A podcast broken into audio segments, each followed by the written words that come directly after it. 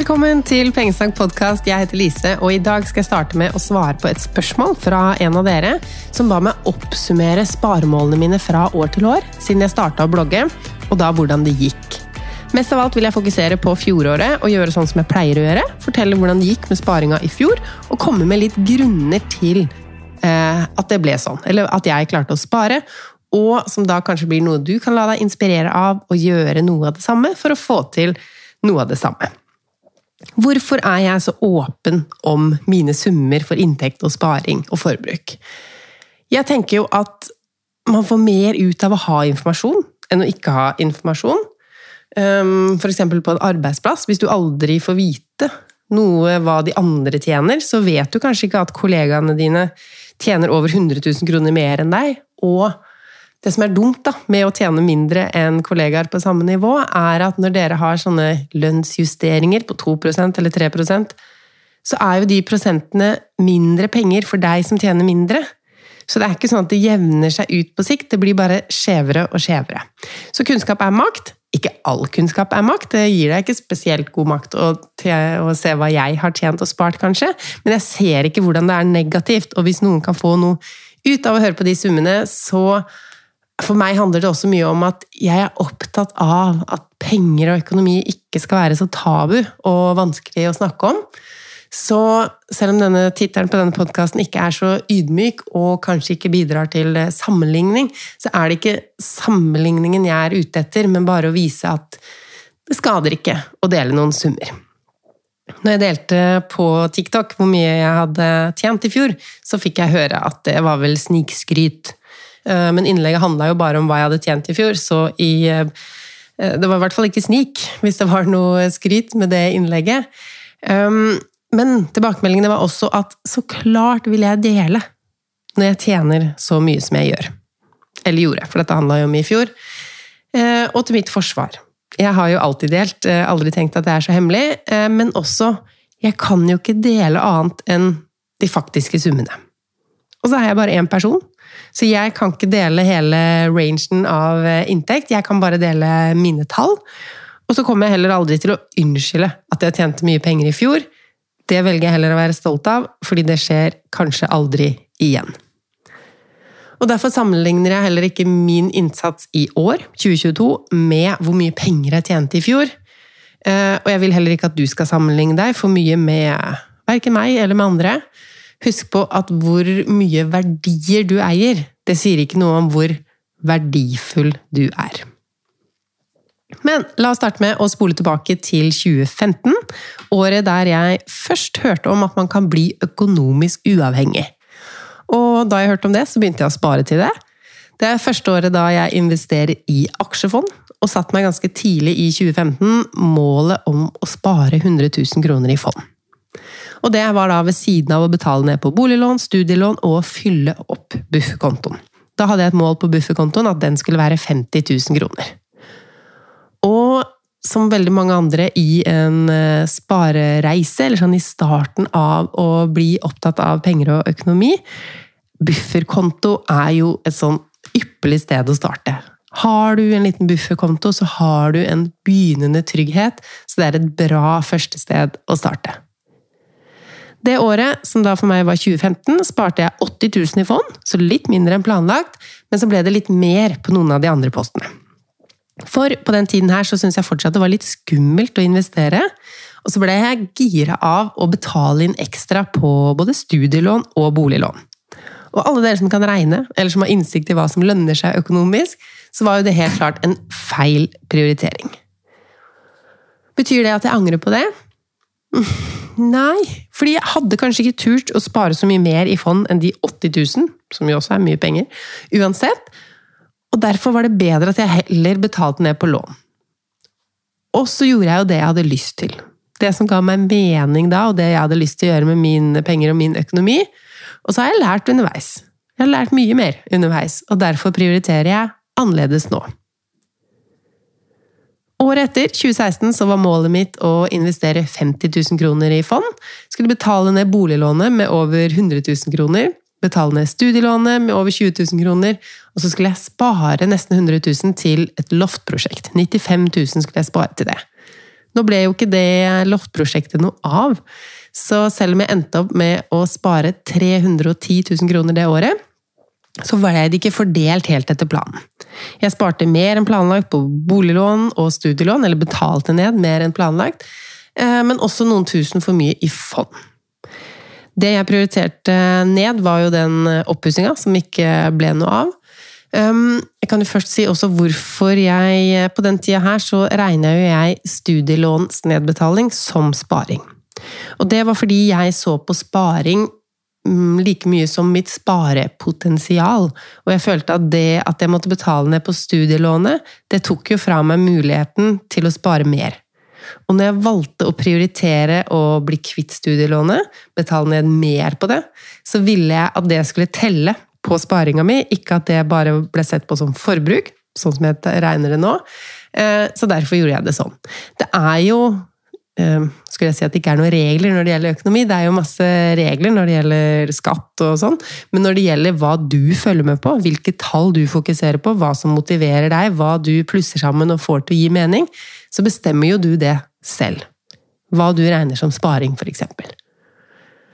Mitt sparemål i 2017 det var å spare 300 000 kroner.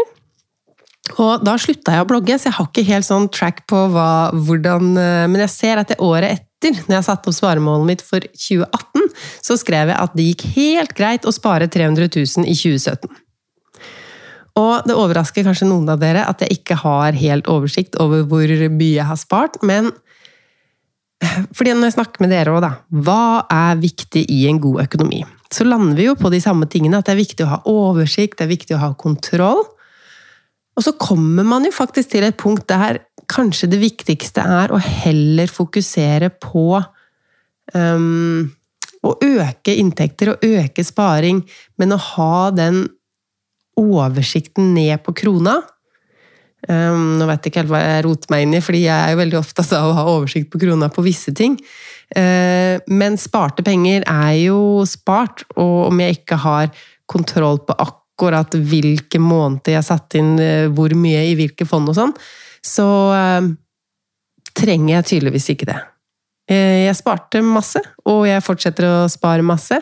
Og den nitidige føringa av alt mulig innen økonomien er kanskje ikke det som er viktigst for meg. Eh, som jo hadde vært annerledes hvis jeg var i en annen økonomisk situasjon, eller det var sånne ting som trigga meg mest til å spare mer. Og for meg er det ikke det, og det kommer vi litt tilbake til, hva som, eh, hva som gjør at jeg sparer mye. Så året etter, i 2018, så var sparemålet mitt 320 000. Noe av det skulle spares til bil. Så her kommer vi tilbake til hva er det vi regner som sparing og ikke. Det virker kanskje rart å kalle det sparing noe som skulle brukes på slutten av eh, året, eh, men egentlig så er jo all sparing bare å utsette forbruk. Og det å spare til bil gjorde jo at vi ikke måtte ta opp billån, og det føltes jo absolutt som sparing. Jeg klarte det sparemålet. Um, og ved siden av så var det jo fondssparing og betale ned på boliglånet, så 327 000 kroner sparte jeg i 2018. Så i 2019 så måtte jeg jo øke det sparemålet igjen. da. Gikk jeg fra 300 000, 320 000 til 350 000. Og det nådde jeg ikke. Dette var jo året jeg sa opp jobben for å snakke om penger på fulltid. Og jeg ser at jeg har skrevet i et blogginnlegg at fondssparing er det beste jeg vet. Det er gøy å se pengene vokse, både fordi jeg setter inn nye beløp, og fordi de gir avkastning.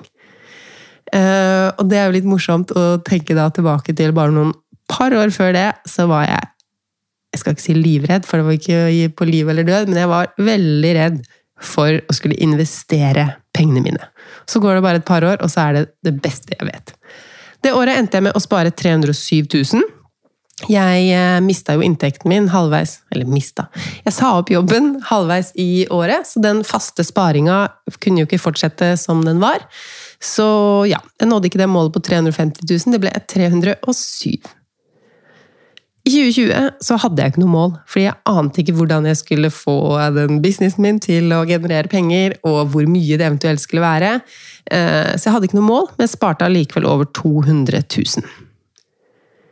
Så kom 2021. Kunne heller ikke klare å sette meg et mål for det året med så uforutsigbar inntekt, men sparte 701 785 kroner. Mer enn jeg tidligere hadde i årslønn. Så la oss komme med en forklaring, eller mange forklaringer på det. Vi kan jo si kort forklart jeg tjente veldig mange penger i fjor. Eh, lett å bli irritert på det, det vet jeg. Eh, lett for deg som tjener så mye, eh, er det jeg hører. Og det var det. Det kan jeg si. Det var lett. Men det hadde også vært lett å bruke mer penger. Det hadde nesten vært lettere. For jeg hadde jo råd til å bruke veldig mye mer penger på veldig mange mye ting. Jeg kunne ha kasta mine sparevaner om bord og kjøpt fine ting. Spist mer mat på farta. Altså, det handler jo mye om vaner. Og jeg valgte å beholde mine vaner. Um, men den inntekten, hvis vi skal snakke om det, firmaet mitt, Pengesnakk, da var inntekten på 1 560 000. Jeg fikk også foreldrepenger, for jeg var delvis i permisjon, så det var over 200 000. Eh, og fikk også noen eh, hva var det, 37 000 på, tilbake på investeringer jeg har gjort. Så jeg tjente i fjor Alt dette her er jo før skatt, da. 1 822 959 kroner. Um, og så etter skatt da ca. 1 million igjen, da. Når jeg tjener mye, så tenker ikke jeg Hva skal jeg kjøpe nå? Hva skal jeg finne på å bruke alle disse pengene til? Wow, nå er jeg rik! Hva skal jeg kjøpe? Hva skal jeg gjøre? Jeg har like lyst til å spare, og er like fornøyd med lavt forbruk, samme hvor høy inntekten er. Inntekt og forbruk har mindre og mindre med hverandre å gjøre, for meg. Eller det har kanskje nesten aldri hatt så mye med hverandre å gjøre. Så det, hvis jeg skal lage en liste fra nå og gå gjennom sånn punktvis, jeg eh, kan legge det ut på pengesnakk.no, så du slipper å huske eller notere hvis du vil ha med deg det her. Det første punktet er å koble inntekt og forbruk fra hverandre. Det går an å bruke lite selv om man tjener mye. Og så får punkt to bli å tjene mye, da. For det kan vi jo ikke si at ikke har noe med det her å gjøre. Jeg liker å tjene penger. Jeg blir motivert av å tjene penger. Jeg syns det er interessant å se hva man kan tjene penger på, finne nye ting å fakturere for. Mitt firma er jo meg, som lager innhold i forskjellige kanaler, holder foredrag, skriver litt, finner bedrifter og samarbeidspartnere som jeg enten kan jobbe for og med, eller rett og slett reklamere for. Jeg har alltid hatt en god arbeidsmoral. Men stort sett har jeg alltid hatt jobber som gir timelønn, eller etter hvert som jeg ble voksen, eller hadde sånne faste jobber, da, månedslønn. Men jeg har alltid hatt jobber ved siden av jobben. Og til og med jobber ved siden av deltidsjobber. Jeg har hatt tre jobber på en gang. Eh, hadde jeg alltid gått etter mest mulig penger, så hadde jeg kanskje valgt litt eh, annerledes, eller litt andre jobber. Men jeg har f.eks. jobba mye i butikk. Det har jeg alltid trives godt med. Jeg har vært mye barnevakt, både privat og gjennom barnevernet etter hvert. Når en professor på universitetet spurte hvem i klassen som kunne hjelpe til med å være sånn forskningsassistent, så var det jeg så klart som sa ja. Sommerjobb i fabrikker og andre ting. Og foreløpig kun timesbaserte jobber. Helt til jeg starta min lille modellkarriere. Og det var den første type jobb hvor jeg måtte tenke helt annerledes på penger og inntekt. For der var det ikke sånn lønn for oppmøte. Man visste kanskje om, hvis det var en motevisning, da, hvor lang tid det skulle ta. Ofte hele dagen eller hele kvelden. Men det var aldri sånn at timelønna mi, at jeg var verdt et visst beløp. Og så når jeg var på del i det showet, så tjente jeg et, det beløpet. Nei, der var det sånn på forespørsel eh, Vil du være brudemodell en hel dag for 2000 kroner? Ja eller nei? Vil du vise fram for denne designeren for 5000 kroner? Det tar bare to timer. Um, et bilde. Et bilde til denne kampanjen 7000 kroner. Nå virka det kanskje veldig lukrativt. Det var mest lange dager for lite penger, for min del i hvert fall, for den type modell jeg var, som var mye hårmodell, brudeshow. Kjøpesentervisninger. Eh, men f.eks. bildet til en kampanje, da. Så var det en gitt sum, og så kunne det senere vise seg at de hadde brukt bildene mer enn det vi først avtalte, og så fikk jeg mer penger. Uten å gjøre noe mer. Null timers innsats ga meg en ny lønnsslipp. Og dette er sikkert selvfølgelig for mange av dere, og det er det for meg nå, men å forstå seg på prising og lønn når det ikke er betaling av timelønn per time, rart. Men en god erfaring meg, for meg, nå som jeg priser meg selv hele tiden. Og jeg kan jo f.eks. ikke prise et halvtimes foredrag med prisen for en halv times jobb i den jobben jeg hadde da det var 37,5 times arbeidsuke. Så nå er jeg helt utenom timeslønn, og det gir en fordel. Og den fordelen er jo Eller det gir mange fordeler og noen ulemper, men den største fordelen er jo at jeg kan tjene uendelig mye. Uendelig mye. Jeg trenger ikke å gjøre noe mer. Når jeg f.eks. har gitt ut en bok eh, Ja, jeg lagde hele greia, brukte massevis av timer på å lage den uten å tjene en eneste krone, men så tjener jeg litt og litt og litt hver gang du, eller en annen som hører på her, kjøper en. Samme med YouTube. Nå betaler jeg foreløpig ti ganger mer for å få den filma og redigert. De fineste filmene. Jeg tenker du ser forskjellen på de filmene jeg lager selv, og de jeg får proffhjelp med.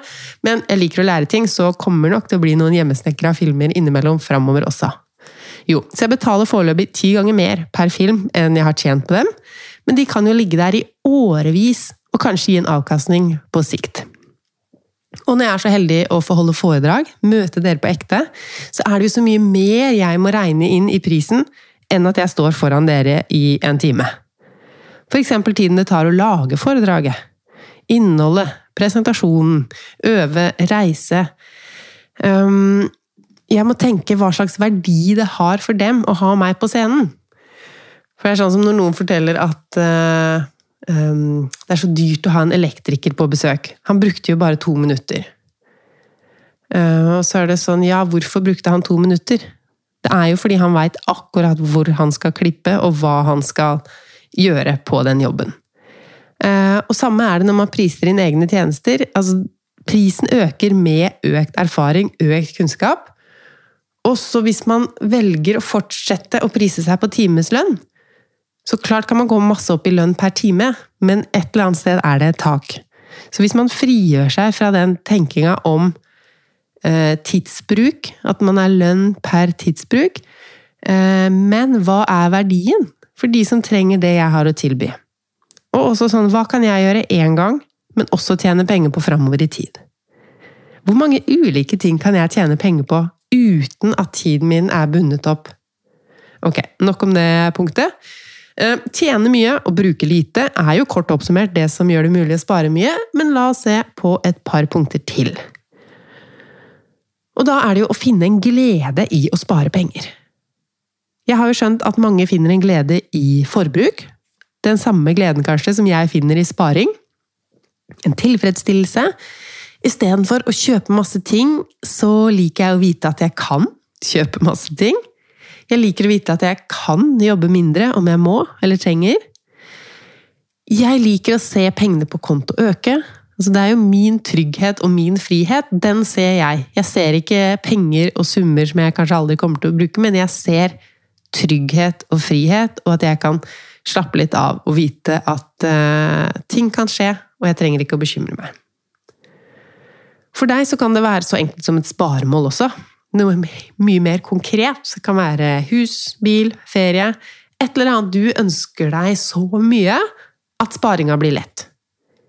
Fordi sparing er Sparing er måten du kan virkeliggjøre dine drømmer. Og sparinga er jo ikke gjort på én dag. Det er jo det som er med svaring. Det er litt pluss litt pluss litt pluss litt. pluss litt. Så du må ha en motivasjon, en lyst eller en glede et eller annet som gjør det lettere for deg.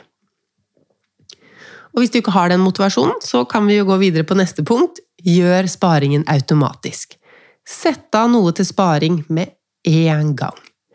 Nå får jo ikke jeg inn én lønn én gang i måneden lenger, men jeg har et fast trekk til sparing.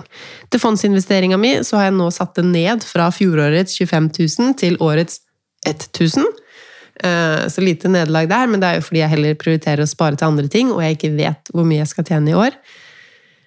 Å gjøre sparinga automatisk, det gjør at du ikke er avhengig av å være topp motivert til enhver tid. Sett det trekket i nettbanken din på lønningsdag eller dagen etter lønningsdag, så går det penger, rusler inn på sparekontoen din uten at du trenger å ofre deg en tanke. Og plutselig har det gått et år eller to, og sparekontoen din er full uten at du har merka det. Neste punktet må bli å prioritere vekk noe. Helt bevisst. Eh, og det er mange som tenker at jeg kan ikke prioritere vekk noe. Nå har jeg dårlig økonomi, og jeg må ha det jeg har, og det er ikke noe jeg kan eh, jobbe med her. Og den holdningen eh, Så klart er det helt sant for noen at de ikke har råd til å spare, og de kan ikke spare. Det er helt sant for noen, men er det virkelig sant for deg? En øvelse du kan gjøre, er å printe ut eller laste ned som en fil på dataen din eller nettbrettet ditt kontoutskriften fra forrige måned. Tusjer i to farger, og så stryker du med én tusj de kjøpene du absolutt ville gjort igjen, og det du må bruke penger på, og det som eh, skal brukes penger på. Og så har du en annen tusjfarge til ting som ja, kanskje var sløsing, ting du ikke ville kjøpt igjen, som kan faktisk prioritere bort. Ha heller den holdningen med hva kan jeg gjøre for å spare mer, enn å være så bastant på at jeg har ikke noe jeg kan prioritere annerledes. Jeg kan ikke spare. Så må vi jo ha med et punkt om å selge unna ting. Jeg solgte unna ting i fjor for 45 000 kroner.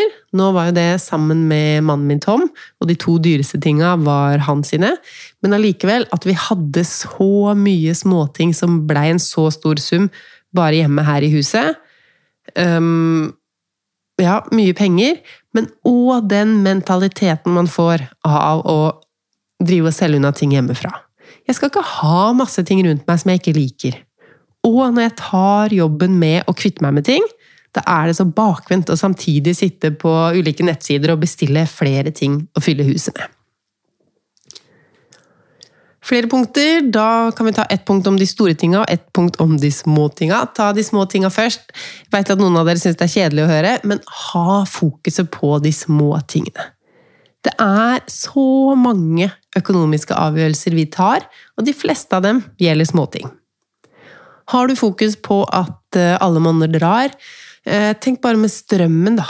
Nå er strømmen dyr uansett, men da lønner det jo seg mer å være bevisst på alle disse små strømsparetipsene. Og der kan man jo si at ja, det er små summer her og der og her og der, men når vi ser strømregningen vi får nå, så ser vi jo at små summer blir store summer. Så igjen et argument for å også spare småpenger. Eh, men for eksempel å ikke kjøpe klær, eller kjøpe færre klær. Ehm, jeg har jo eh, liksom gjort dette så lenge at det er så naturlig for meg å ha disse sparsomme vanene. Jeg merka det nå når jeg var med sønnen min på hockeyskole. Han har begynt å gå på skøyter. Eh, som forresten var mye billigere enn fotballskolen han gikk på før. Ehm, så var det jo litt ting som vi måtte i orden. da, Utstyr. Vi kjøpte jo skøyter til han til jul. 100 kroner på Finn. Slipte de, kosta 100 kroner. Ehm, masse forskjellig beskyttelsesutstyr som vi også kjøpte brukt. Ehm, men da han skulle begynne, så trengte han jo også en eh, hockeykølle og en drikkeflaske med så lang tut at kan, eh, man kan drikke med det gitteret foran hjelmen, hvis du ser for deg. Eh, og de to tingene kjøpte vi bare i hockeyshoppen der han går på hockeyskole. Og det merka jeg var egentlig en så fjern ting for meg å gjøre. Altså Vanligvis ville jeg jo tenkt ok, hva slags kølle trenger han, hvor høy skal den være? Må vi kanskje gå og finne ut det på, enten på hockeyskolen eller på en butikk. Og så skal jeg finne ut hvor er det billigst å kjøpe det her nytt. Skal jeg se hvor kan jeg finne det her brukt? Skal jeg søke etter det i en spesiell Facebook-gruppe, eller er det på finn.no? Jeg skal søke etter en hockeykølla. Jeg bare gikk og kjøpte det. Og da tenkte jeg å ja, det er sånn her kanskje andre folk gjør det. Eh, men jeg er jo fornøyd med mine sparsomme vaner, og jeg har tid til mye av det òg, så sånn gjør jeg det vanligvis. Mat det er litt sånn som strømmen. Det er en stor utgift totalt, men utgiften består av mange små utgifter, så det lønner seg å ha fokus der, selv om det virker meningsløst å spare to kroner og fem kroner. Så det er jo et litt sånn glidende overgang mellom småtingene og store tingene. Men store prioriteringer er jo ting som man bevisst prioritere bort, som utgjør masse. For eksempel bil. Velger du å ikke ha bil, så er det et stort økonomisk eh, valg. Velger du å ha bil, velger du å ha dyr bil, så har det store økonomiske konsekvenser. Men negativt, da. Um, nå sier jeg jo ikke at det alltid er et valg å ha bil eller ikke ha bil. Veldig mange i Norge må ha bil, så ja, dette, du merker hva som er relevant for deg og ikke. Reise på ferie, dyre ferier, uh, spise mye ute. Det kunne jo gått under matbudsjettet òg, men store prioriteringer og små prioriteringer. Og ha fokuset på begge deler. Finne ut med avtaler. Har du avtaler som eh, ikke lønner seg for deg? Har du dyre telefonabonnement? Er det lenge siden du har gått gjennom forsikringer? Sånne ting følger jo jeg med på, fordi jeg syns det er innmari irriterende å betale for mye for ting. Om jeg kan betale um, strøm fra en annen leverandør, så merker jo ikke jeg forskjell inn i eh, min lysestake, lysestakke, holdt jeg på å si, min lampe, hvor mye jeg betaler for den strømmen. Så å betale så lite som mulig for sånne ting. Boliglånet, der har jeg veldig fokus, for jeg har mye i boliglån. Uh, å kunne betale en litt lavere rente, som virker som minimalt på papiret, men når man regner ut hvor mye det utgjør, så er det absolutt et viktig sted å ha fokus. Og så kommer jeg til et lite punkt med eh, en slags eh, ekstrainntekt, hvis du er litt på å leie ut ting. Og investere òg. Skaffe deg inntekter ved å leie ut denne bilen, da. Hvis du har en dyr og fin bil. Eller en billig bil. Eh, vi har leid ut bilen bare to-tre ganger i fjor, tror jeg. Men en fin ting å gjøre. En fin ting merker jeg nå å lære barna mine at ja, nå trengte ikke vi bilen, så kan noen andre låne bilen. Og de syns jo det er rart først. Hvorfor skal de få bilen vår? Nei, de skal ikke få bilen vår, de skal låne bilen vår. Og så kommer de tilbake med den, og så i tillegg så gir de oss litt penger for å få låne den. Eh, samme med hytta, som vi også leier ut av og til. Investeringer jeg har som gir inntekt, det er crowdfunding og utbytteaksjer. Så det er også noe du kan se på hvis du vil bruke pengene dine til å gi deg mer penger. Vi kunne laga mange punkter om hvordan jeg har spart mye, og hva du kan gjøre. På én side så kan man jo si det handler om disiplin. Hvis det er noe som du bruker mye penger på, eller som du egentlig vil bruke mye penger på, men klarer å holde deg unna, så er det jo disiplin. Eh, det kan også handle om kreativitet. Så vær kreativ både med å finne måter å tjene penger på, men også finne måter å ha det bra uten å bruke masse penger. Og en ting som også lønner seg økonomisk for meg, er jo at jeg er opptatt av eh, miljø og bærekraft, og også minimalisme. Det er jo ting som gjør sammen med sparsommelig fokus Altså, alt går over i hverandre. Hvis du er opptatt av miljø, så kjøper du ikke masse fast fashion og flyr jorda rundt så ofte som mulig. Er man opptatt av minimalisme, så sitter man ikke og bestiller ting på nettet hele tiden. Så alt det går sammen, og gjør det veldig lett for meg å kjøpe mindre ting. Og mye av dette handler jo om vaner, som kan være vanskelig hvis man skal bryte ut av et mønster og lage seg et nytt, men som da blir lettere etter hvert. Og enda lettere hvis du husker på grunnen din. Altså din personlige grunn til å ville spare mer, tjene mye og bruke lite. Hvis det er det du også er ute etter, da. Jeg legger en link i episodebeskrivelsen til en YouTube-film jeg har laget med 16 sparetips, som er litt sånn større enn ha med matpakke. Selv om å ha med matpakke er et kjempebra tips. For deg som vil reflektere litt og se hva du kan spare penger på. Forresten, hvis du vil vite hvordan jeg sparte de 701 000, eller hva jeg regner som sparing nå, så sparte jeg mesteparten av det i aksjefond.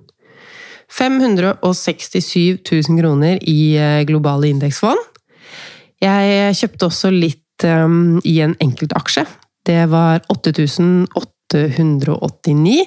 Det var mest fordi jeg skulle lage en film til deg på YouTube om hvor enkelt det er å investere i enkeltaksjer, ikke fordi det er en stor del av min portefølje. Crowdfunding investerte jeg 55 300 kroner i. Um, kryptovaluta kjøpte jeg for 5000 kroner. Og det var jo kanskje litt ulikt meg. Eh, jeg veit ikke nok om kryptovaluta til å anbefale det, til å spekulere. Dette er rett og slett en test, eller en læring. Jeg syns det er interessant å tenke på å lære om dette blokkjedeteknologi. Eh, høre mer om hvilke bransjer det her skal revolusjonere. og å prøve å forstå hvorfor lages det valutaer inn det her, og kommer det noen gang til å være sånn at vi gjør transaksjoner i kryptovaluta for å Altså, interessant, men ikke en del heller av min investeringsstrategi, som mer en sånn liten eh, Hva skal vi kalle det? Læring eller test. Um, sparing regner jeg også nedbetaling av boliglån når du betaler ned på boliglånet ditt, hvis du har boliglån, så får du jo hver måned betaler du renter, gebyrer og faktiske avdrag. Og det er jo de faktiske avdragene som gjør at jeg eier mer av huset, og at gjelda mi synker. Så det er det jeg regner som sparing. Jeg regner ikke rentene eller gebyret, det blir kostnader, men de faktiske avdragene. Og faktiske avdrag hadde jeg i fjor på 65 596. Så sammen med da litt kryptovaluta, enkelte aksjer, crowdfunding 55 000 og fond 567 000, så ble dette totalt 701 785 kroner spart og investert. Så skjønner jeg at det er irriterende at jeg har tjent mye, og at det derfor har vært enkelt for meg å spare såpass mye år. Jeg håper allikevel at du kan ta med deg et tips eller en tanke, eller la den irritasjonen du kjenner, bli til noe positivt. Hvorfor er du irritert? Er det noe du syns er urettferdig? Er det noe du kan gjøre med det? Er det noe du kan gjøre noe med? Eller er det noe annet du kan gjøre noe med? Altså, hva er du ute etter? Er du ute etter det samme som meg? Eller noe helt annet? Vi høres igjen på podkasten neste mandag. Jeg legger som sagt link til YouTube-kanalen min i episodebeskrivelsen til deg som vil ha mer pengesnakk med en gang.